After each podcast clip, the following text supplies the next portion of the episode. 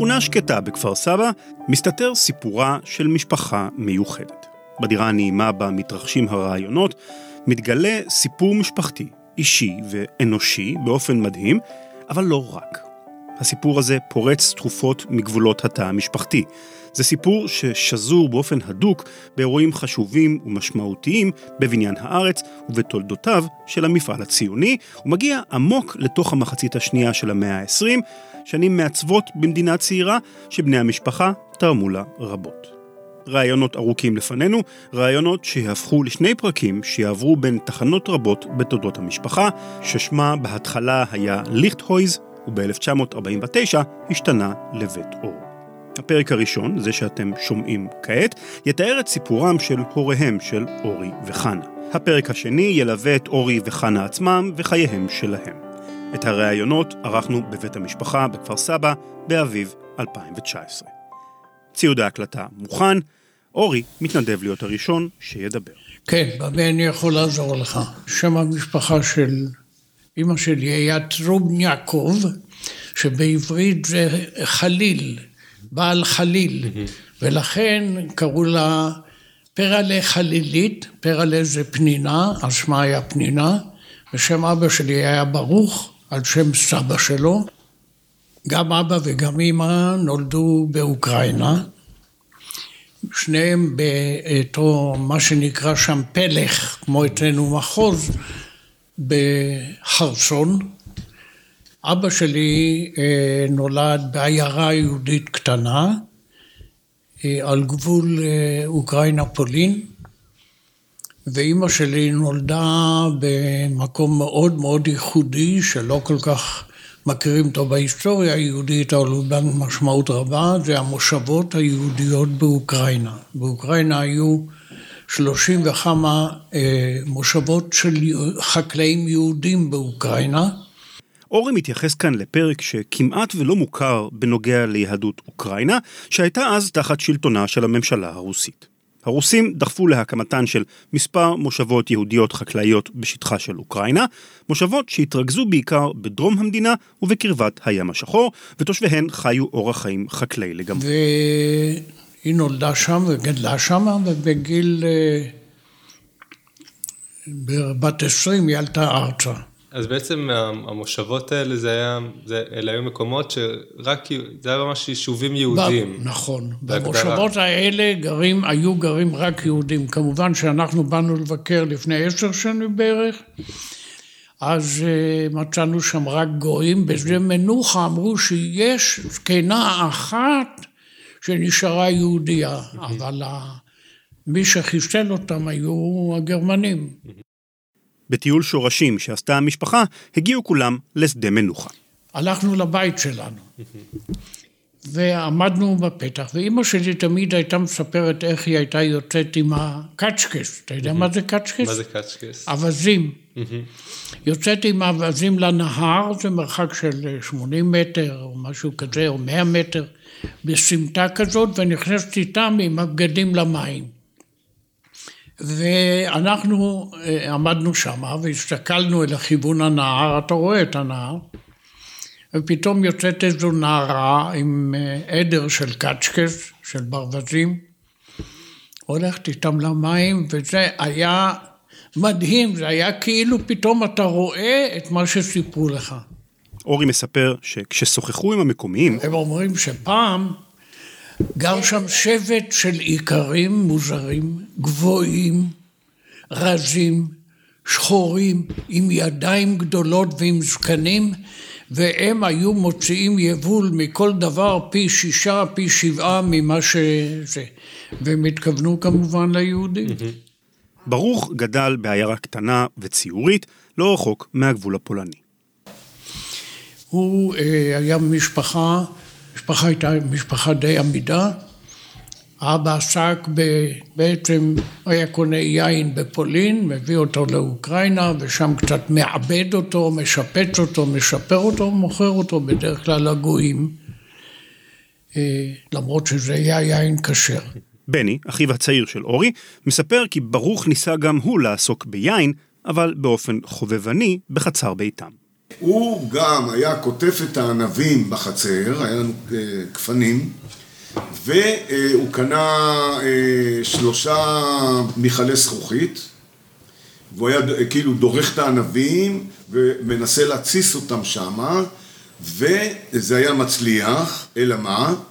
התססה הייתה כל כך חזקה שהיין היה פורץ, התסס היה פורץ, משפריץ, וכל המחסן היה מתרטב בנוזל אה, אה, דביק ומתוק ולכלך את את כל המחסן, והיין לא יצא כל כך מוצלח. נשמע שהחיים באוקראינה אולי לא היו אידיאליים, אבל גם לא נשמע שהם היו נוראים. אם כך, אני תוהה, מה הוביל את האנשים לעזוב את מולדתם לטובת מקום נידח כמו פלסטינה, מוכת המלאריה והקונפליקט המתהווה בין יהודים לערבים? התשובה טמונה במידה רבה בסיפורו של ברוך. היו כמה דברים שהשפיעו עליו חזק מאוד. הוא ב... עלמותו, כשהוא היה עלם בן 15, 16, הוריו מתו. והאחיות שלו עלו לארץ בעלייה השנייה או תחילת העלייה השלישית, ולכן הוא ראה את עצמו מועמד לעלייה לארץ. יום אחד הגיעו לשם הקוזקים לעיירה, ועשו פוגרום, והעמידו את כל הגברים היהודים בשורה, ולפי הסדר הרגו אותם. ואבא שלי עמד בתור הזה, בשורה הזו, בטור הזה. ולידו עמד חבר טוב שלו, החבר הכי טוב שלו. הוא רואה שהקוזק שעומד לידו כל הזמן מחפש בכיסים, מחפש טבק, מה שקראו מחורקה. ומחפש בחזון, לא מוצא. אז אומר לו, אבא, תן לי ללכת, אני אביא לך מחורקה. אז הוא אמר, אני יודע, אתה תברח. אז הוא אמר לו, אני לא אברח. אני אחזור ואביא לך מחורקה, אני אומר לך את זה. אז הוא אומר, אוקיי, לך תביא מחורקה. אם אתה לא חוזר, אני הורג את החבר שלך. אבא שלי והביא לו מחורקה. אז הוא לקח ועישן בהנאה ואמר לאבא, אתה משוחרר. אז אבא ברח הביתה, אחות שלו יצאה החוצה לרוץ לקראת האח הבכור, והוא היה מחוץ לכפר, ולהגיד לו שיישאר שם כי יש פוגרום, ואבא יצא ללוות ופתאום רואה את הגוי הזה, את הקוזק הזה, הולך שיכור, עם מעשן, וביד הוא מחזיק את הראש של החבר שלו. והוא אומר שהוא ראה את הדבר, הוא אומר, התמונה הזאת מלווה אותי כל החיים. ומאז אני לא פוחד. גם חנה, אשתו של אורי, המכונה חניק, מספרת על הרקע של הוריה. היא מתחילה מאימה, אותה חניק מרבה לשבח לאורך הריאיון כולו. הסיפור שלה, לשינוי השם, הוא שכשהיא באה לארץ, אה, והם היו, אה, הם ישבו בחולות, הם בנו את תל אביב בהתחלה, והייתה שם עוד רחל אחת. והיא, אימא שלי הייתה אישה מאוד יפה. ואז אמרו ששתי רחלות זה אחת זה, אז לה קראו רוזה, כאילו, שושנה. ומאז נדבק לה השם רוזה, ואף אחד לא זכר שקוראים לה בכלל אה, רחל. אימא שלי היא ממשפחה אה, מלטביה, מדווינסק. אה, שם המשפחה של אבא שלה הוא רחמן. אימא שלה היא ממשפחת אולמן. כל השמות הם שמות עבריים. שאנחנו היום חושבים רחמן זה אולי מספרד, ממגורשי ספרד. אבא של חניק, שמואל, שכונה מולה, הוא... ממשפחת יפה, שמואל יפה שמו, והם לפי מה שאנחנו למדנו במשך השנים, משפחת יפה או יופה, שזה משפחה מאוד מאוד אה, עתיקה של ישראל, אנחנו לא הצלחנו יותר מאיזה ארבעה חמישה דורות להגיע, אבל הם טוענים שזה מתחבר לרמב"ם, עד, עד לשם. אה, ההורים של אבא שלי היו מאוד דתיים, לעומת זה ההורים של אימא שלי היו לא דתיים, אבל הם לא התבוללו, הם שמרו על היהדות שלהם. ההורים של אבי, ככה אימא סיפרה, היו כל כך דתיים שלא היו מוכנים לבוא לשתות כוס תה אצל ההורים שלה כי הם לא שמרו אה, כשרות ולא לא היו יהודים דתיים. אה, התוצאה הייתה שאבא שלי, כשהוא עלה לארץ, הוא ממש מרד בדת. מצד אחד הוא שמר על מסורת מאוד אה, נוקשה של משפחה, אבל לא הלך לבתי כנסת, וגם לא היה, כמובן לא שומר שום מצווה, לא שבת ולא כשרות ולא דברים כאלה. אימא שלי זה לא פלא שהיא לא הייתה ככה, כי היא גם לא הכירה את זה מהבית. מה גרם לאימה לעלות ארצה מלטביה? אימא שלי עלתה עם אבא שלה בשנת 1919, אה, אה, עלו שניהם לארץ, היא הייתה נערה. ואני עד היום לא כל כך מבינה בשביל מה אבא שלה עלה לארץ, מה הייתה המטרה שלו, אה, והשאיר ברוסיה את אימא שלה, חנה, ואת האח הקטן בן שנתיים, דוד, ואת האחות הגדולה קראו, קראו לה ריטה. והוא היה פה שלוש שנים בארץ, ואחרי שלוש שנים, באופן מפתיע חזר מיד לרוסיה. והדוד שלי, דוד, שהוא חקר את זה, הוא טוען שכשאבא שלו היה פה בארץ, הוא כנראה, הוא היה בצבא, והוא כנראה היה בין אלה שנלחמו באנגלים, או אני לא יודעת במי בדיוק, ואז הוא הרג מישהו והיה צריך להבריח אותו מהר לפני שהאנגלים יתפסו אותו, אז הוא חזר חזרה לרוסיה. וגם כנראה הסיבה השנייה הייתה, שאני לא יודעת מה יותר נכון, שהסבתא שלי חלתה בסרטן והוא חזר לשם. אחר, אימא שלי עלתה, חזרה לרוסיה שנה אחר כך, אחרי אבא שלה, זאת אומרת היא הייתה פה ארבע שנים בארץ, ואני לא יודעת למה, אין לנו שום מושג מה היא עשתה בארץ בארבע שנים האלה. אחרי שחזרה לאירופה, הכירה רוזה את בעלה לעתיד מולה. היא חזרה לרוסיה והכירה שם את אבא שלי, והם שניהם עלו לארץ. אבל גם העלייה הזאת לא הובילה להשתקעות מלאה. אחרי איזה זמן, אה, שניהם חזרו לרוסיה, אה, נולדה אחותי. לאה. הבחורה, ב-1931 היא נולדה. 32, סליחה. ואימא שלי למדה שם אחות, ואבא שלי חזר לארץ. והוא והבני דודים שלו, הם היו ממקימי שמן. שמן, משמעו המפעל בו עבד מולה, אליו נגיע בהמשך. בינתיים, אני מנסה להבין מה הוביל את הוריו של אורי, אביו ברוך, שחי בצל טראומות הפוגרום, ואימו של אורי, פנינה, שהייתה צריכה להגיע לחופי פלסטינה מהמושבות החקלאיות הנידחות באוקראינה, לעלות בערך באותה תקופה, כמו הוריה של חניק. מה הם סיפרו על רגע, על ההחלטה לעלות? איך, איך זה קרה?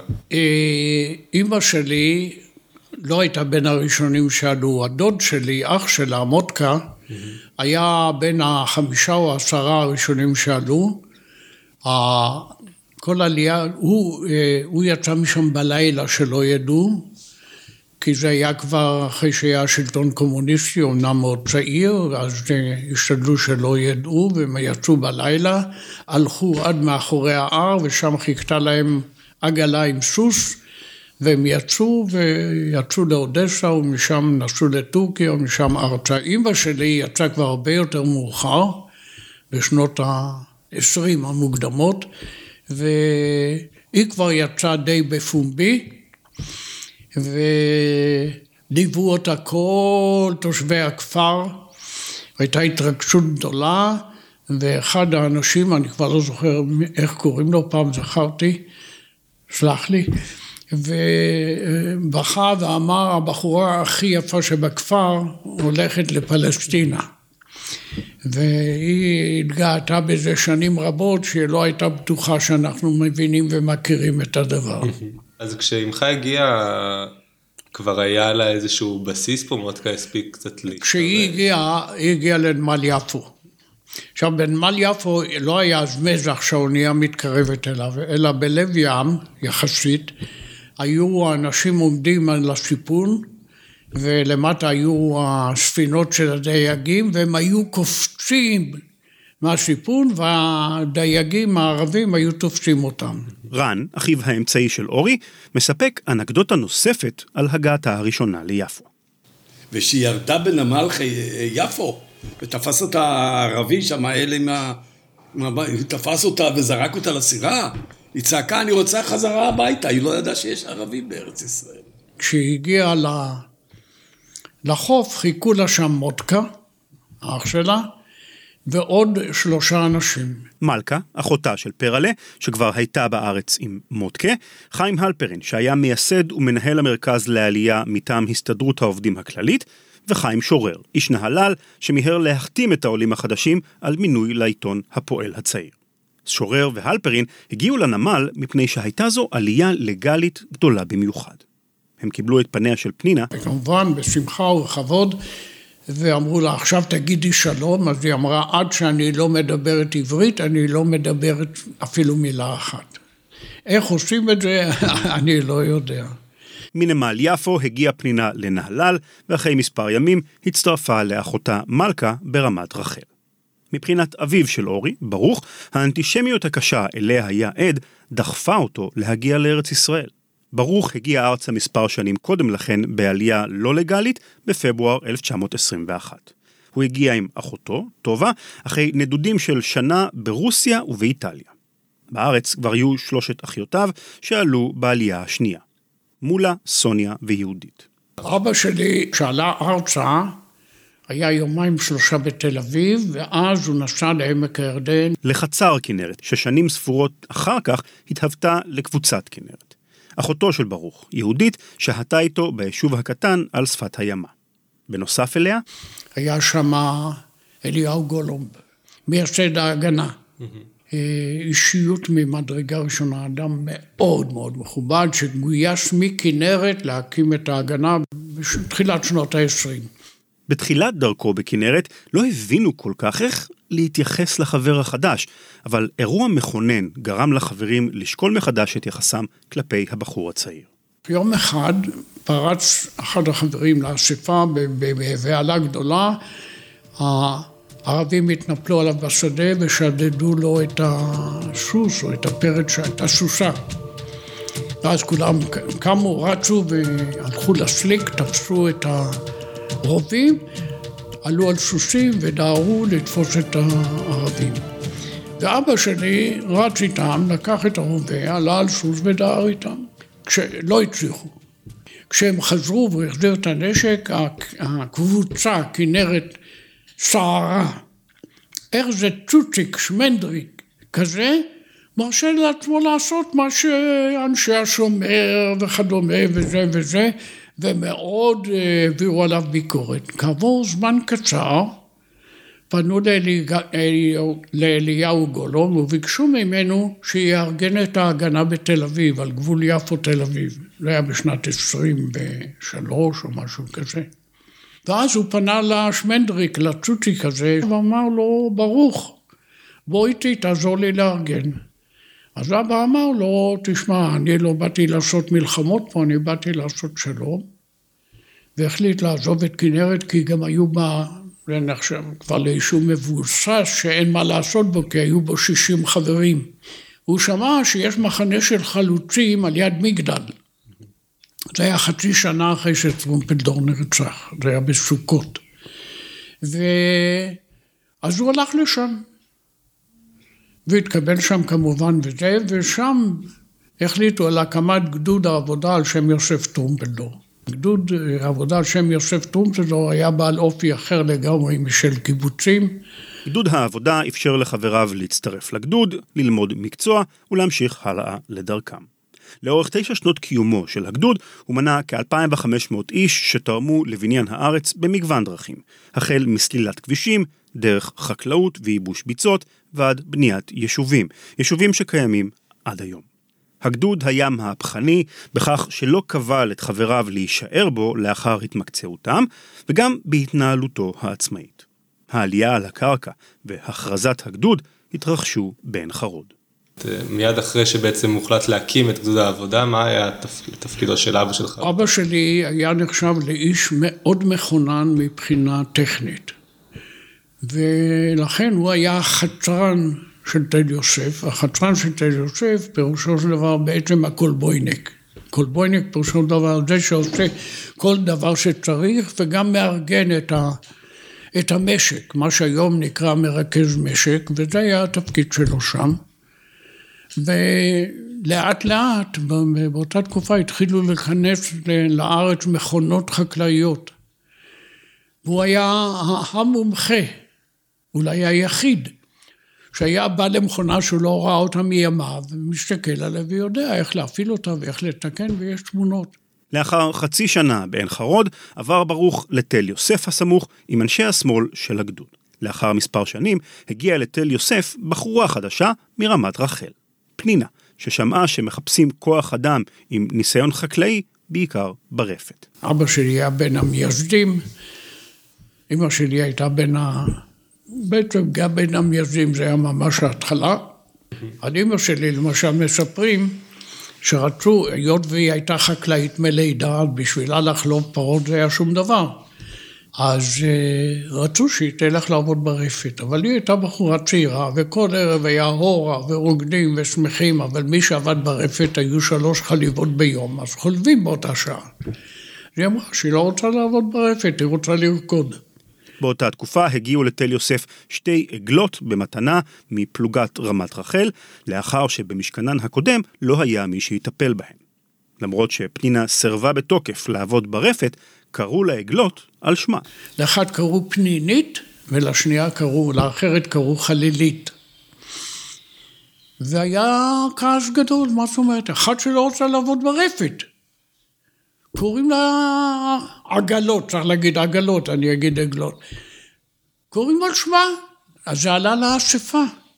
והיה דיון שתי אספות, בסוף אישרו את השם.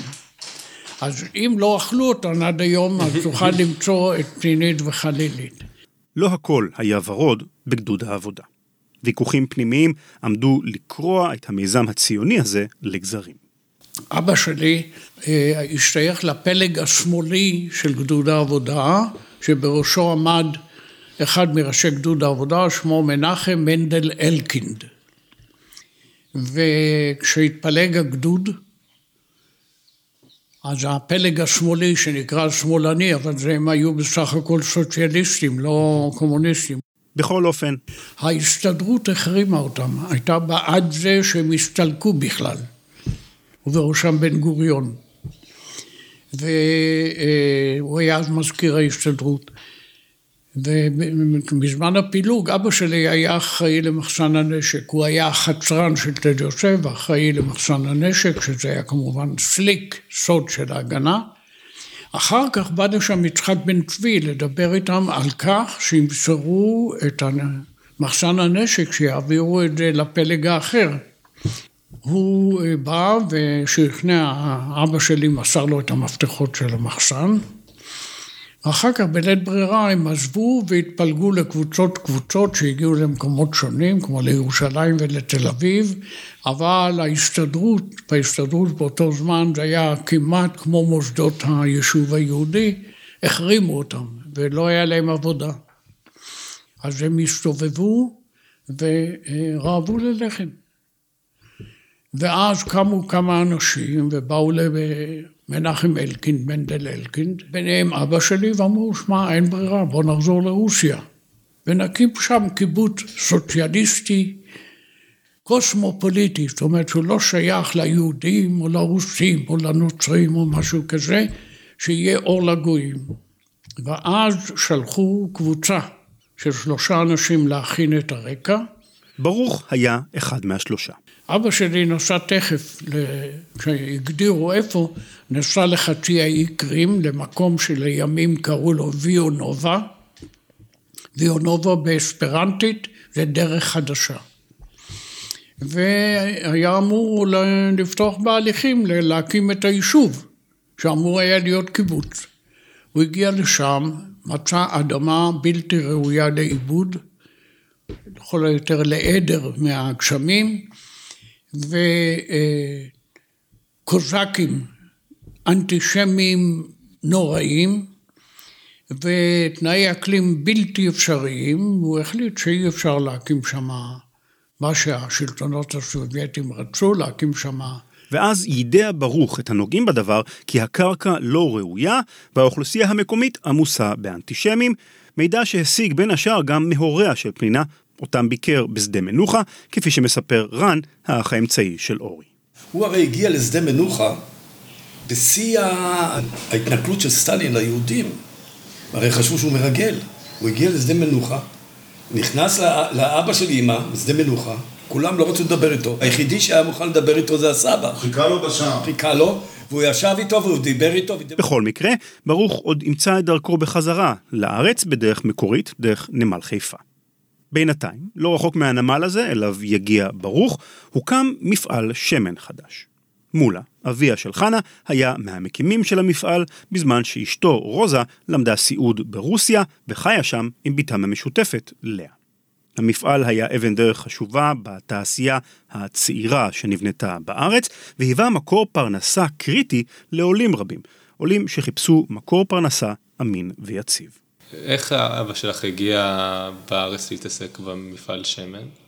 הם היו קבוצה שמלאו אה, הרבה אנשים ואז אה, הם, הם היו קודם, ב, כמו שאמרתי לך, בתל אביב, באוהלים, בחולות ושם הם התארגנו קבוצה ואמרו שהולכים להקים אה, בית חרושת ב, בחיפה לא היה לו מקצוע ולא שום דבר אחר אז הם כולם הלכו ביחד להקים את המפעל הזה מתוך, אה, אתה יודע, צורך השעה של ה...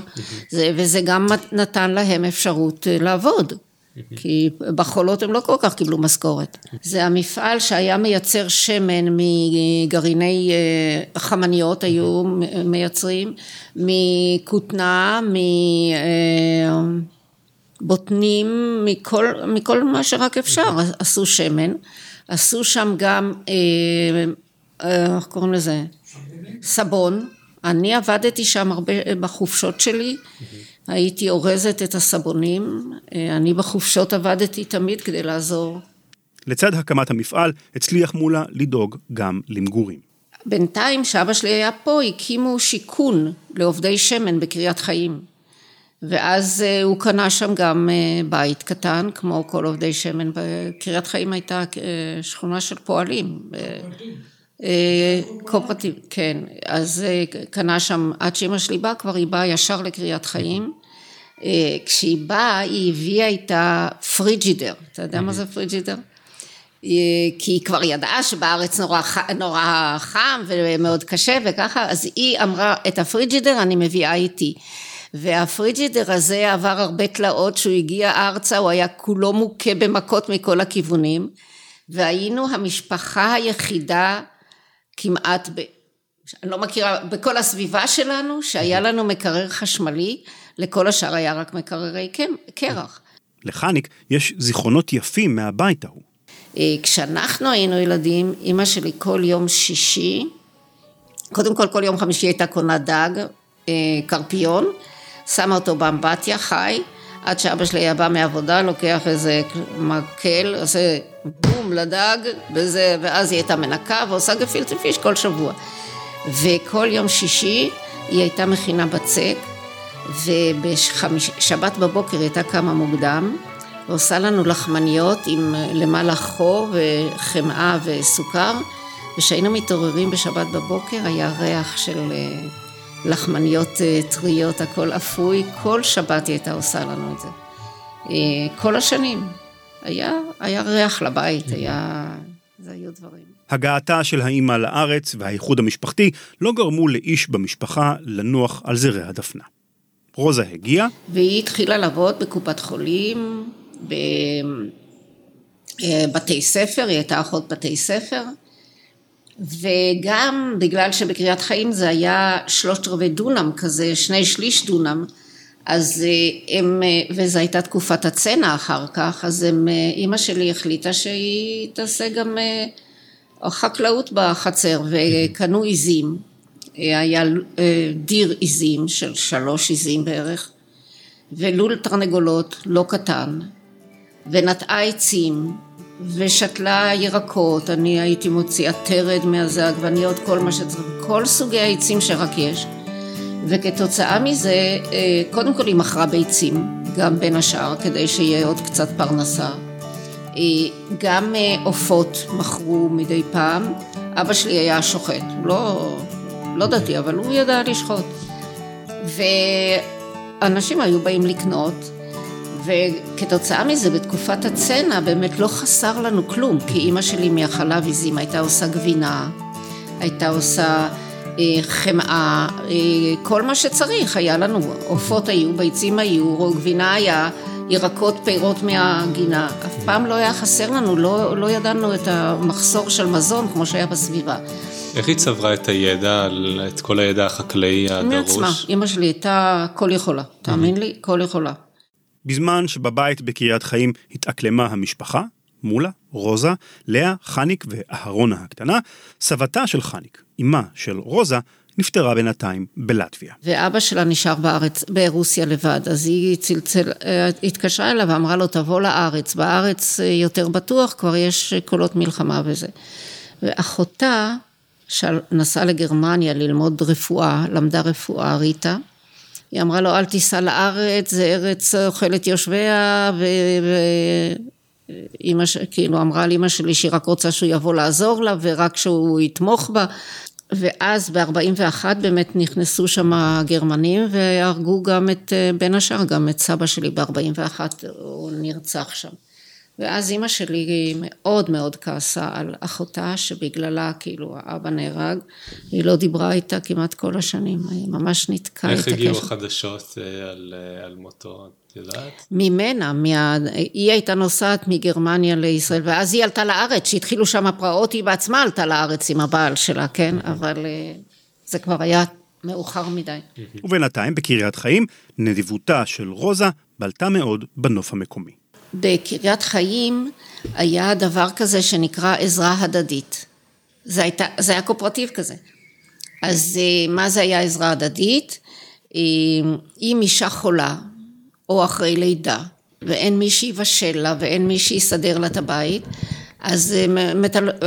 לא מטלפנים, לא היה טלפון, הולכים למקום של ועד הקריה ואומרים האישה הזאת חולה שולחים לה, היו נשים שהיו שולחים אותם לעזור בבית, לבשל, לנקות, פעם, פעמיים בשבוע לנשים חולות או אחרי לידה. והנשים האלה, הן היו עובדות שעתיים בכל בית, ולפעמים היה להם רווח בין האישה הראשונה שהם צריכים ללכת לבין האישה השנייה. כל אלה היו באים אל אימא שלי, הייתה עושה להם כוס קפה, תה, נותנת להם לאכול וכן הלאה. כל עובדי הניקיון של הסביבה, אלה שהיו מטאטאים את הרחובות וזה, את הפסקת הקפה שלהם הם היו עושים אצל אימא שלי בחצר, הייתה נותנת להם לאכול ולשתות. אה, וגם אם היו ילדים חולים, אז היא הייתה מבשלת מרק עוף והולכת אליהם הביתה לתת להם אה, לאכול שלא ירא... שיבריאו מהמרק עוף ומהעוף שהיא הייתה מביאה להם, לא בכסף. היא הייתה באמת נדיבה בצורה בלתי רגילה. רוחב ליבה של רוזה התבטא גם דרך הגינה, שסיפקה אוכל ושפע נדירים לתקופה, שפע שממנו נהנו גם השכנים שלא יכלו להרשות לעצמם מצרכים כאלה. למשל, אנשים שהיו באים לקנות אצלה ביצים או עופות, והיא ידעה מה מצבם הכלכלי, אז היא הייתה נותנת מחירים פרוגרסיביים. לעניים היא הייתה לוקחת פחות כסף, מאלה שהיא יודעת שמצבם יותר טוב, הייתה לוקחת לא יותר ממה שצריך, אבל כמה שזה עולה בשוק, אם אפשר היה לקנות, כי חלק מזה היה כמובן אה, בתקופת הצנע. חצר הבית בקריית חיים הביאה גם זיכרונות יפים, מעבר למענה על צרכים קיומיים ממש. היה לנו בחצר עץ שנקרא ארקריה, אני לא יודעת אם אתה מכיר, זה עץ שיש לו אה, עלים גדולים כאלה, לא עלים, גבעולים, זה כמו שכבה ועוד שכבה ועוד שכבה ועוד, והוא מאוד מאוד גבוה. ואני הייתי ילדה די שובבה. אז טיפסתי על העץ הזה, ואתה עולה מ... מרמה לרמה, אתה עולה עולה. ואימא שלי כל פעם הייתה עומדת למטה והייתה אומרת, תעלי עוד שלב, תעלי עוד שלב, והעץ מתנדנד ככה, כי הוא גבוה. ואבא שלי היה צועק, תרדי, תרדי, תרדי, תרדי, והיה צועק על אימא שלי, מה את נותנת לה? מה את מרשה לה? אה, אימא שלי הייתה יותר כזאת, כמו, אה, לא יודעת אם מתירנית, אבל אה, נתנה לי להיות שובבה ולא עצרה אותי, ואבא שלי כל כך היה דאגן כזה שהוא לא נתן לי לעשות מה שאני רוצה. זאת אומרת, הוא, הוא לא, לא שהוא לא נתן, הוא היה תמיד חרד מאוד לכל הדברים האלה. גם לאביו של אורי היו סיבות להיות חרד. אחרי הפיצול בגדוד העבודה, ולאחר שיוזמת הקיבוץ הקוסמופוליטי בברית המועצות כשלה, היה על ברוך לחזור לארץ. והוא עצמו, לא היה לו סרטיפיקט, אתה יודע מה זה סרטיפיקט? כן, אישור. כן, מעין פספורט. לא היה לו סרטיפיקט להיכנס לארץ, והוא הגיע לארץ כעולה בלתי חוקי, והוא בארץ היה ידוע כקומוניסט, מפני שהוא היה, חזר לרוסיה, ועכשיו הוא חוזר, פחדו שהוא יהיה סוכן של ה-GPO, של הקומוניטרנו, המערכות הבינלאומיות של הקומוניסטים, אז אה, הפועלים של נמל חיפה הגניבו אותו לנמל על ידי זה שהכניסו אותו לחבית וגלגלו אותו עד שהוציאו אותו מהנמל ומשם הוא נסע לתל אביב. בתל אביב הוא התחפש לאנגלי. איך מתחפשים לאנגלי? הוא היה שיער שטני ועיני תכלת, גבוה ורזה. הוא חבש, אה, לבש גרביים, גרב גרביים עד הברכיים. הכניס לשם pipe, נעל נעליים חצאיות, לבש מכנסיים קצרים עד הברכיים, עם חגורה, חולצת חאקי וחבש כובע פקק. אתה יודע מה זה כובע פקק? זה. כובע פקק זה היה אה, כובע כמו מצחייה, לא מצחייה, זה מסביב, טיטורת כזאת מסביב? אבל שהוא עשוי מפקק, אז הכל קשה כזה, קשה משם, כן, פקק. ועטוף בבד, וזה היה שיא הגינדור, אפילו בתקופה שלנו, כשמישהו היה רוצה להתהדר, אז היו קונים לו כובע פקק, שכמובן לילדים זה לא יחזיק מעמד, אבל הוא היה מאוד מקובל, ואנשים מהיישוב הוותיק, מהחלוצים, היו הולכים. אבא שלי הלך שנים רבות עם כובע פקק, אז כולם היו בטוחים שהוא אנגלי. מחופש לאנגלי, הגיע ברוך לתל אביב. בזמן שברוך היה בחצי האי קרים, אמא עזבה את גדוד העבודה וחיפשה עבודה בתל אביב בזמן שאבא נסע לרוסיה ומצאה עבודה אצל ראש עיריית תל אביב שקראו לו בלוך.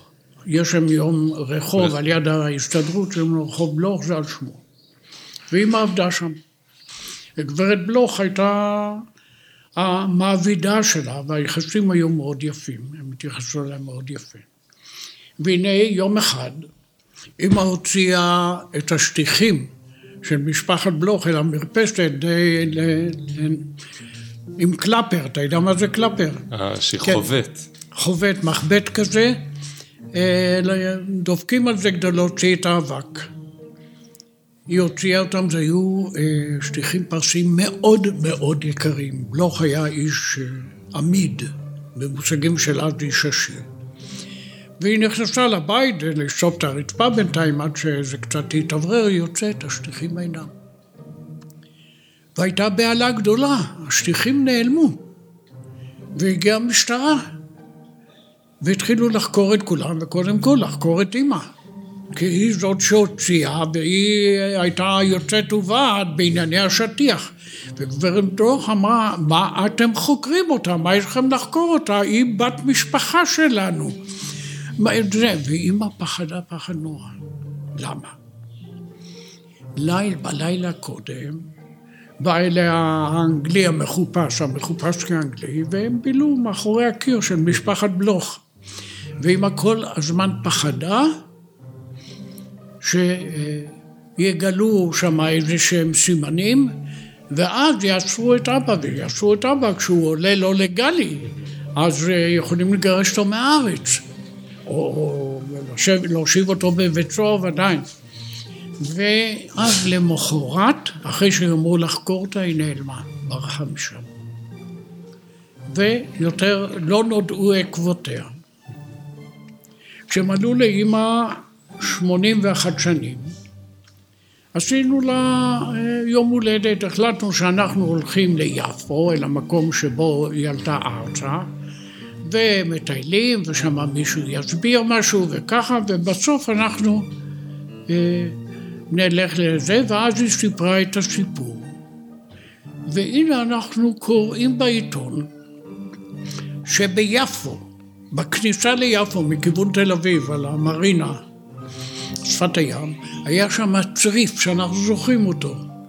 והרסו אותו כי זה רצו לבנות שם, ובעליית הגג מצאו שטיחים ישנים, שכנראה אלה השטיחים שגנבו ממשפחת בלוך. וואו. וכשאימא שלי שמעה את זה, היא פרצה בצלה, אתם רואים שלא אני גנבתי. ברוך ופנינה עזבו את תל יוסף ועברו אה, לגור בקדימה.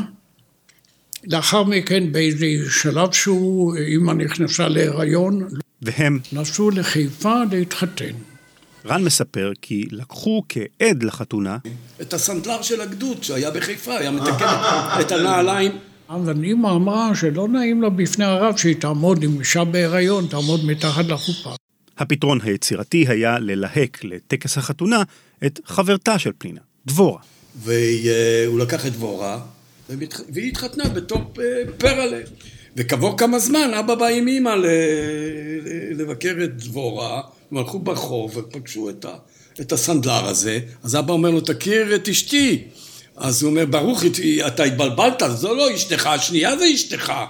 ההיריון של פנינה הוליד בת שנפטרה שבוע לאחר הלידה, ושלוש שנים לאחר מכן, כשהזוג הצעיר עדיין היה בקדימה, נולד אורי.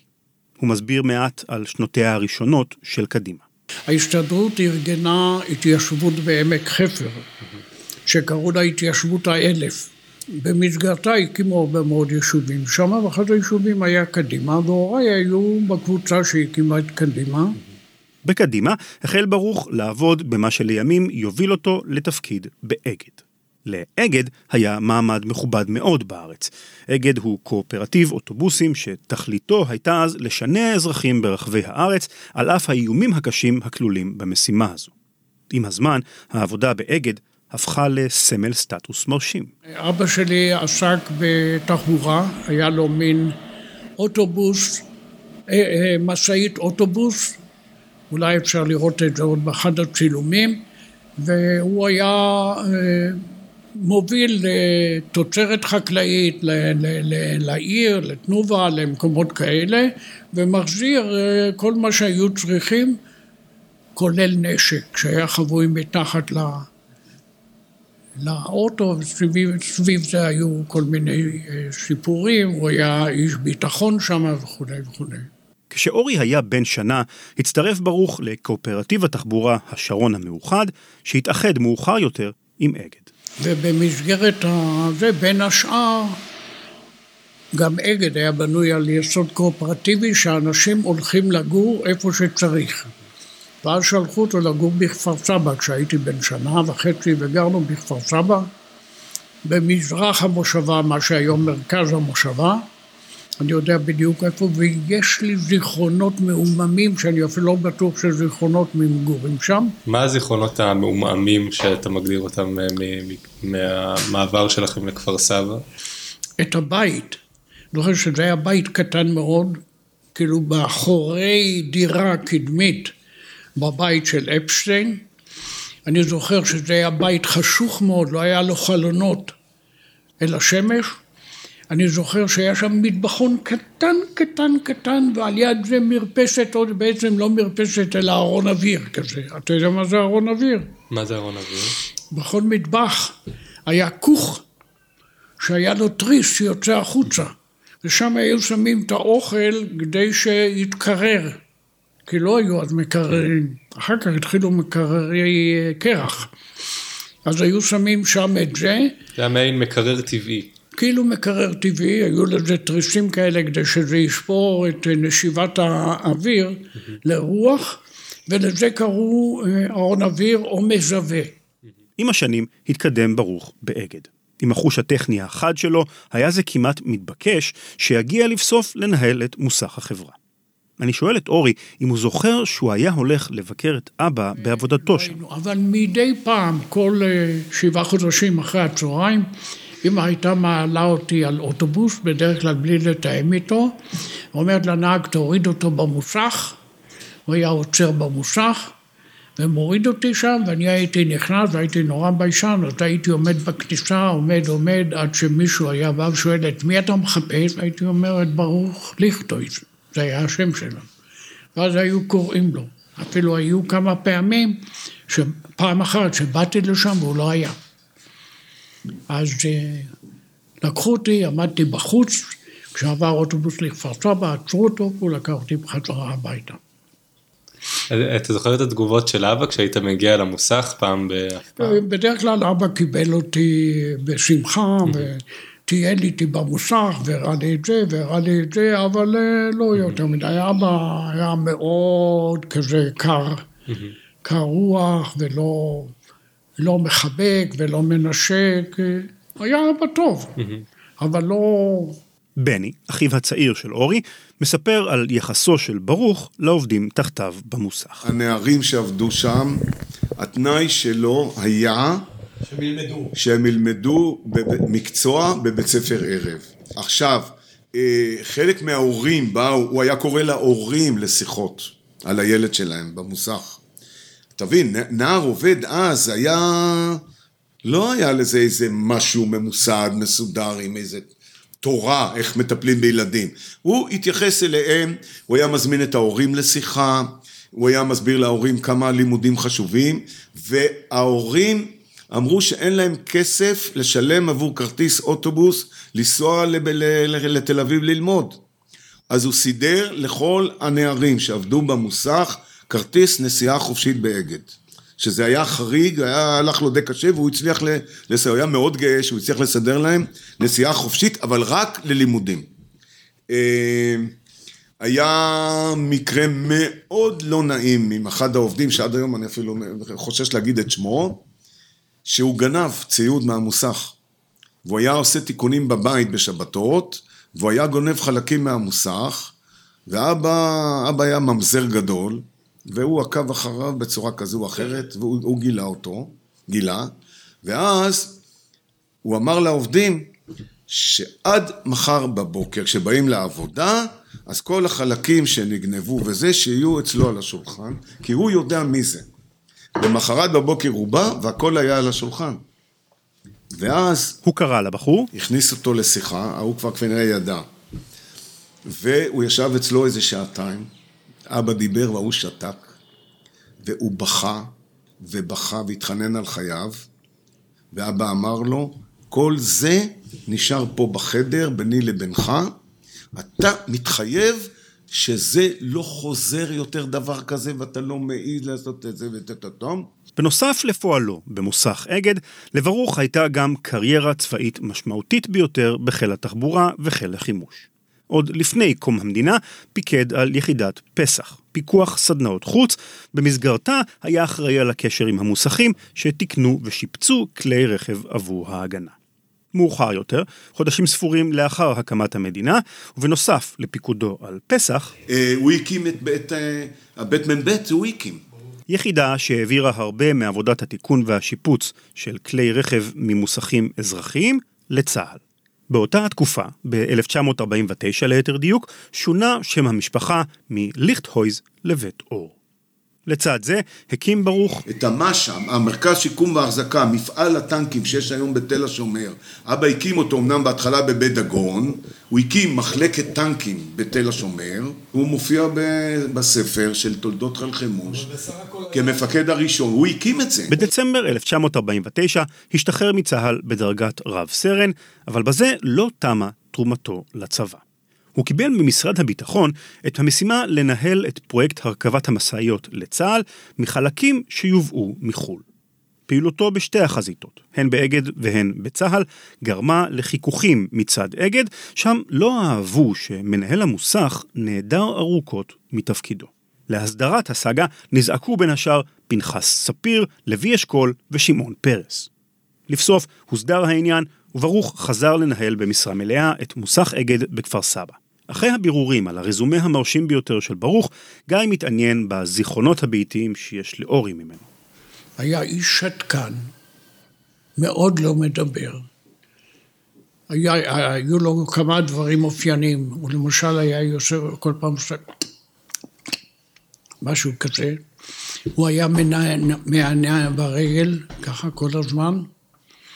היה לו כאן מין גידול קטן, כזה מעין... ליד האוזן. ליד האוזן, מעין בדל כזה. אז אהבנו מאוד לשחק, היינו לוחצים על זה וזה היה עושה! ואנחנו היינו נבהלים ונהנים מזה ועושים עוד פעם ותמיד נבהלים, חס ושלום לא להיבהל כי הוא יפסיק. אז את זה אנחנו זכרנו.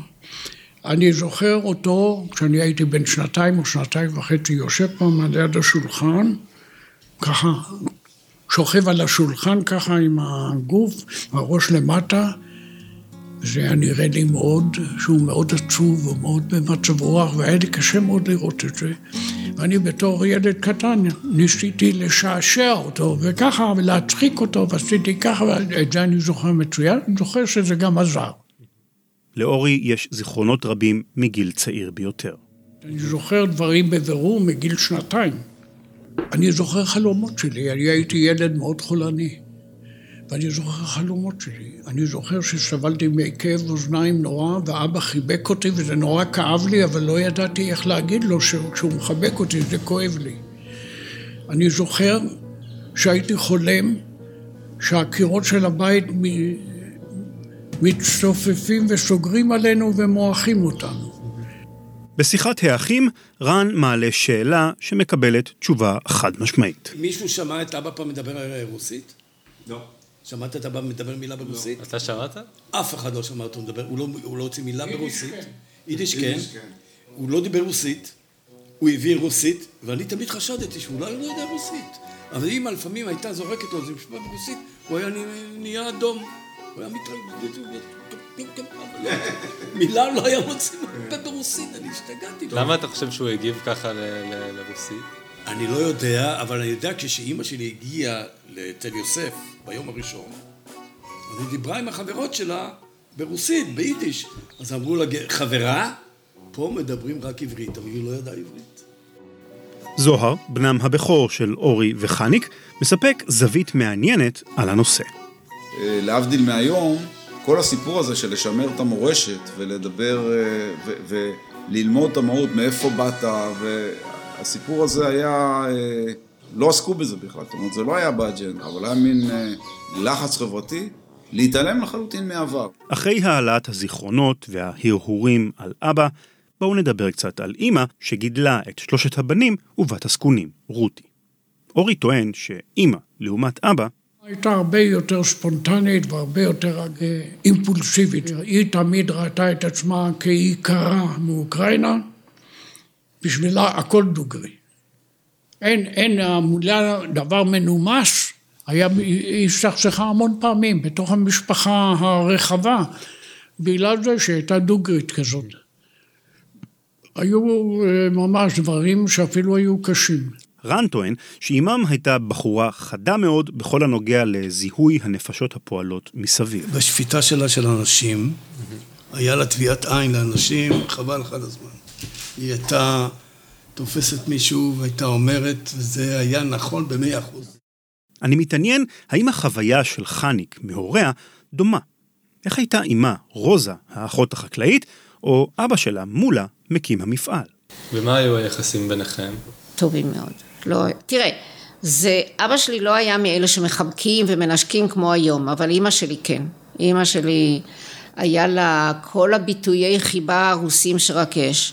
אה, קרסביצה וקוקלה, וקרסביצה זה יפהפייה, וקוקלה זה בובה, והסרט, זאת אומרת, את הלב שלי וכל הביטויים הרוסיים שאתה שומע היום גם כן חלק מהרוסים שהיו לה, היא הייתה מאוד אה, כזאת נותנת ומחבקת ומנשקת ועושה הכל. אבא שלי היה יותר כזה, לא היה נהוג שגברים יחבקו את הילדות. ו... בגיל 62 קיבל מולה התקף לב. אני שואל את חניק איך הדבר השפיע עליו. קשה, אבא שלי קיבל את זה. תראה, הוא אף פעם לא הראה, הוא לא היה בדיכאון או משהו כזה, אבל היה לו קשה, כי אימא שלי גם ככה עשתה הכל, היא הייתה... בריה, כן, אתה יודע מה זה בריה? בריה זה אשת, אה, אה, אישה כל יכולה. והיא עשתה בחצר, היא לא נתנה לו לעבוד בחצר, היא לא נתנה לו, אז הוא היה הולך, ל... היה מועדון פנסיונרים, הוא יצא לפנסיה מוקדמת. הוא היה בן 62 שהוא חלה. איך היה לאמא שלך הדעיכה הזאת של אבא שלך אה, מהרגע שהוא חלה? תראה, היא בתור אחות, לקחה את זה כמשימה של אחות. אורי תמיד צוחק עליה, היא אמרה, אז, אז אסור היה לאכול מלח, מי שיש לו לחץ דם גבוה ובעיות לב, אל תיגע במלח, היא בישלה לו אוכל ללא מלח, ואם הוא היה חוטף, והוא היה חוטף, אז היא הייתה עושה לו סקנדלים מפה ואני לא יודעת עד איפה, ושמרה עליו כמו בצמר גפן. היא ראתה את זה כמשימה של אחות, חוץ מזה שהיא הייתה אשתו, כן, כן, אני לא מדברת על זה. איך היו היחסים ביניהם, אני שואל. טובים מאוד. חוץ מאשר כשאבא שלי היה חולה, ושהיא כל הזמן אה, אל תאכל, אל תזה, אל תזה, אבל זה היה מתוך דאגה ואהבה, זה לא היה מתוך אה, זה. והיה שם גם, אה, היה שם גם הומור כזה שהוא היה מנסה להגניב. כן, בטח, זה, והיא הייתה צוחקת מזה, ומצד שני כועסת עליו, כי היה אכפת לה שהוא... לא- ואז כל כך אמרו להקפיד את כל הדברים האלה שהיום זה כבר... אבל אורי אומר שאני כמו אימא שלי, אני גם כועסת עליו שהוא... אני לא אמרתי את זה. כי הוא... זה נכון, אבל לא אמרתי. כי כשהוא אוכל מה שאסור לו, אז אני כועסת עליו. לאחר שמולה נפטר, הגיעה רוזה לגור לצידם של אורי, חניק והנכדים, כולם יחד בקיבוץ גבים. אנחנו הבאנו אותה לגור איתנו בקר- בגבים. היא הייתה איתנו כמה שנים, ואז אנחנו נסענו לארצות הברית, והיא לא יכלה להישאר בגבים, אבל בינתיים אחותי הצעירה, שכבר הייתה נשואה והיו לה שני ילדים, אה, עברה לגור בבית בקריית חיים. ואז לשנתיים שאנחנו היינו בארצות הברית, אה, אחותי הייתה צריכה לשכור לה דירה אחרת אה, בקריה, לא רחוק ממנה. היא גרה בשנתיים האלה בקריית חיים. וכשחזרנו לגבים ב-81, היא, היא ישר חזרה להיות איתנו. אני שמחתי מאוד שהייתה איתנו, היא הייתה סבתא נהדרת ואימא נהדרת. היא לא הייתה שום בעיה, אימא שלי הייתה אישה מאוד נוחה. היא הייתה אחות בקיבוץ גם. ואם היה מישהו חולה, רווק למשל, מי יטפל בו בלילה? אז היא הייתה, היה לה חדר וחצי. אז היא הייתה, היא שמה עוד מיטה בחצי, כדי שאם מישהו חולה והוא רווק ואין מי שיטפל בו, הוא יבוא לישון אצלה, והיא בלילה תיתן לו לשתות ותביא לו אוכל ותדאג לו, כדי שהוא לא יהיה לבד חולה. באמת הייתה בן אדם מאוד מאוד אה, חרוץ, טוב לב, ואני תמיד הייתי אומרת, ורוב השנים הבית היה מאוד עני. הייתי אומרת, כמו שביאליק אמר, אמי, זיכרונה לברכה, הייתה צדקת גמורה, ובאלמנותה ענייה מרודה. חניק מספרת כי אמה השתלבה בקיבוץ בקלות, דבר שאינו מובן מאליו בקהילה סגורה כמו קיבוץ. היא הייתה, כשחזרנו מארצות הברית הבאנו לה טלוויזיה. במסגרת זה שהיא הייתה צבעונית, כן. אז כל, היל... כל, בתי... כל הקבוצות של הילדים שלנו מבתי הילדים היו באים אליה לראות את התוכניות של הילדים בצבע. היא הייתה מועדון של כל הילדים. כולם היו באים אליה לראות טלוויזיה צבעונית. והייתה נותנת להם ממתקים והייתה נותנת להם אה, כל מה שרק אה, אפשר לעשות. היא הייתה סבתא של כולם, אה, פשוט הסבתא של כולם. זוהר זוכר היטב את ההתקבצות הזאת סביב סבתא רוזה בקיבוץ. היא הייתה בן אדם שאין אצלו לא, זאת אומרת, אנחנו באים, זה בשמחה כאילו עמדה וחיכתה לנו וזה לא משנה מה היה מצבה, וכמובן ישר סוכריר טופי, זה היה אה, ממתק יוקרתי, ובקיצור תמיד באמת אה, אה, מארחת את כולם. זוהר נזכר לפתע גם בכלב שגידלה סבתו. היא גידלה תמיד כלבים, תמיד היא גידלה כלבים, היא נורא אהבה כלבים. אה, אה, גם בקיבוץ? גם בקיבוץ, היה לה תמיד כלב, הכלבים תמיד אה, ניהלו אותה, היא לא אה, התנהלה איתם, אה, אלא הם ניהלו אותה, אבל ש... בתקופה שהיא לא גרה בקיבוץ, היה לה כלב שקראו לו כושי, וכושי היה כלב שבר. אז אה, אה, הכלב, אה, אה, כל פעם שהוא היה עושה איזה מעשה קודס, היא הייתה אומרת לו, אני אהרוג אותך. בקיצור, לא עבר זמן, מה- לא עבר זמן, והכלב ידע שקוראים לו אני אהרוג אותך. זאת אומרת, כל, היא, היא, הוא שמע את זה יותר מהשם שלו, והכלב הזה, כל פעם שהוא שמע אני אהרוג אותך, הוא הגיע בקשקוש אה, זנב, ובליבה הרחום כמובן מעולם לא עשתה לו שום דבר, אבל תמיד צחקנו שלכלב קוראים אני אהרוג אותך. סבתא רוזה הייתה סבתא כיפית מאוד. חניק אומרת שהיה ממש נוהג שהנכדים... כל שבת בבוקר הם היו הולכים אליה, הייתה עושה להם לחם מטוגן, כזה פרנץ' טוסט, היא הייתה קוראת לזה. אה, בשבת הילדים לא בבתי ילדים, אז היו הולכים אליה ואוכלים אצלה, והיא הייתה מפנקת אותה מאוד. בקיבוץ, כמו בקריית חיים, רוזה הייתה... היא עוזרת לכולם, היא בכלל לא הייתה תלויה בנו, תראה. כשהיא חלתה, היה שבועיים, מאז שהיא קיבלה את ההתקף לב הגדול עד שהיא נפטרה, זה היה השבועיים היחידים שהיא הייתה תלותית. וכשהרופא בדק אותה, אז היא אמרה לו, מה שהיא אמרה כל השנים, אם תראה שאני לא אקום על הרגליים ושאני לא אהיה עצמאית, תחסל אותי, תהרוג אותי. הוא היה בהלם. מה זה אישה ככה מדברת וזה? אבל מכיוון שהלב שלה כמעט לגמרי נגמר, היא הייתה עוד כמה ימים במחלקה והיא לא יכלה להחזיק כוס תה אפילו, להרים את היד. ואז היא אמרה לי, אני מרגישה שהחיים עוזבים אותי. למה הם עוזבים אותי? מה עשיתי להם רע? אתה מבין? זה שלושה ימים אחרי שהיא אמרה לרופא, אם אני לא... אז אתה מבין את, ה, את היכולת שלך כשאתה חזק להגיד אני לא רוצה, אבל ברגע שזה מגיע אליך, אני לא, לא אשכח את הביטוי הזה, החיים עוזבים אותי, מה עשיתי להם רע.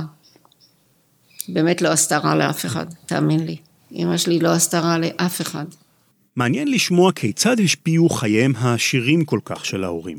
חיים שהתפרסו על פני שטח גיאוגרפי גדול כל כך וכללו חוויות מסמרות שיער לצד חוויות יומיומיות יפות בפשטותן, על דור ההמשך, על חניק, אורי והילדים. אני תוהה, מה ההשפעה היום על חניק ואורי של חיים כל כך עשירים שעברו הוריהם? הנה זוהר, הבן הבכור. תראה, זה, זה באמת, זו תשובה קשה, אה, קשה מאוד לנסח תשובה כזאת, אבל אני חושב, אני חושב שהמורשת אה, בחלקה, מן הסתם, התחילה דווקא בתא המשפחתי של, של אבא ואימא, כי אני חושב שהם היו דור ראשון של אנשים שונים לחלוטין. אה, בלי חס וחלילה לפגוע באחרים, אבל באיכויות אחרות ובמימוש עצמי שונה לחלוטין. כי אני חושב שבדור הקודם היה יותר, לפחות בחלק הראשון של החיים, אה, המימוש היה לתרום להקמת מדינת ישראל, או עצם ההתעלשות הזאת ממקום אחד ומעבר למקום אחר. בדבר הזה שנבנה בעצם, אני חושב שבלי יותר מדי להגיד ובלי יותר מדי לקבוע, אלא יותר ברוח הדברים, הרבה מאוד ממה שאני החלטתי לעשות אה, נובע, נובע ממורשת. וגם אחרי זה העיסוקים שלך, הרבה מאוד מגזרים מה, מה, מהדברים האלה. אה, ואני חושב ש... אה, אפשר לראות פה מורשת שמתפתחת, שמתחילה בעצם באנשים שעלו מרוסיה או שעלו ממקומות אחרים ובעצם באו להקים את המדינה. בפרק הבא נשמע על חייהם של המרואיינים המרכזיים בפרק, שזה עתה מגיע לסיומו. נשמע איך אורי, בנם של ברוך ופנינה, ניווט את חייו, ונבין איך חניק בחרה והתעקשה על רצונותיה ושאיפותיה תוך נתינה גדולה, בדומה לאימה רוזה, שאת אופייה המיוחד הכרנו במהלך השעה האחרונה. עד כאן לחלקו הראשון של סיפורה של משפחת בית אור. הגיש רן לוי, כתב והפיק גיא בן נון. נשתמע בפרק הבא.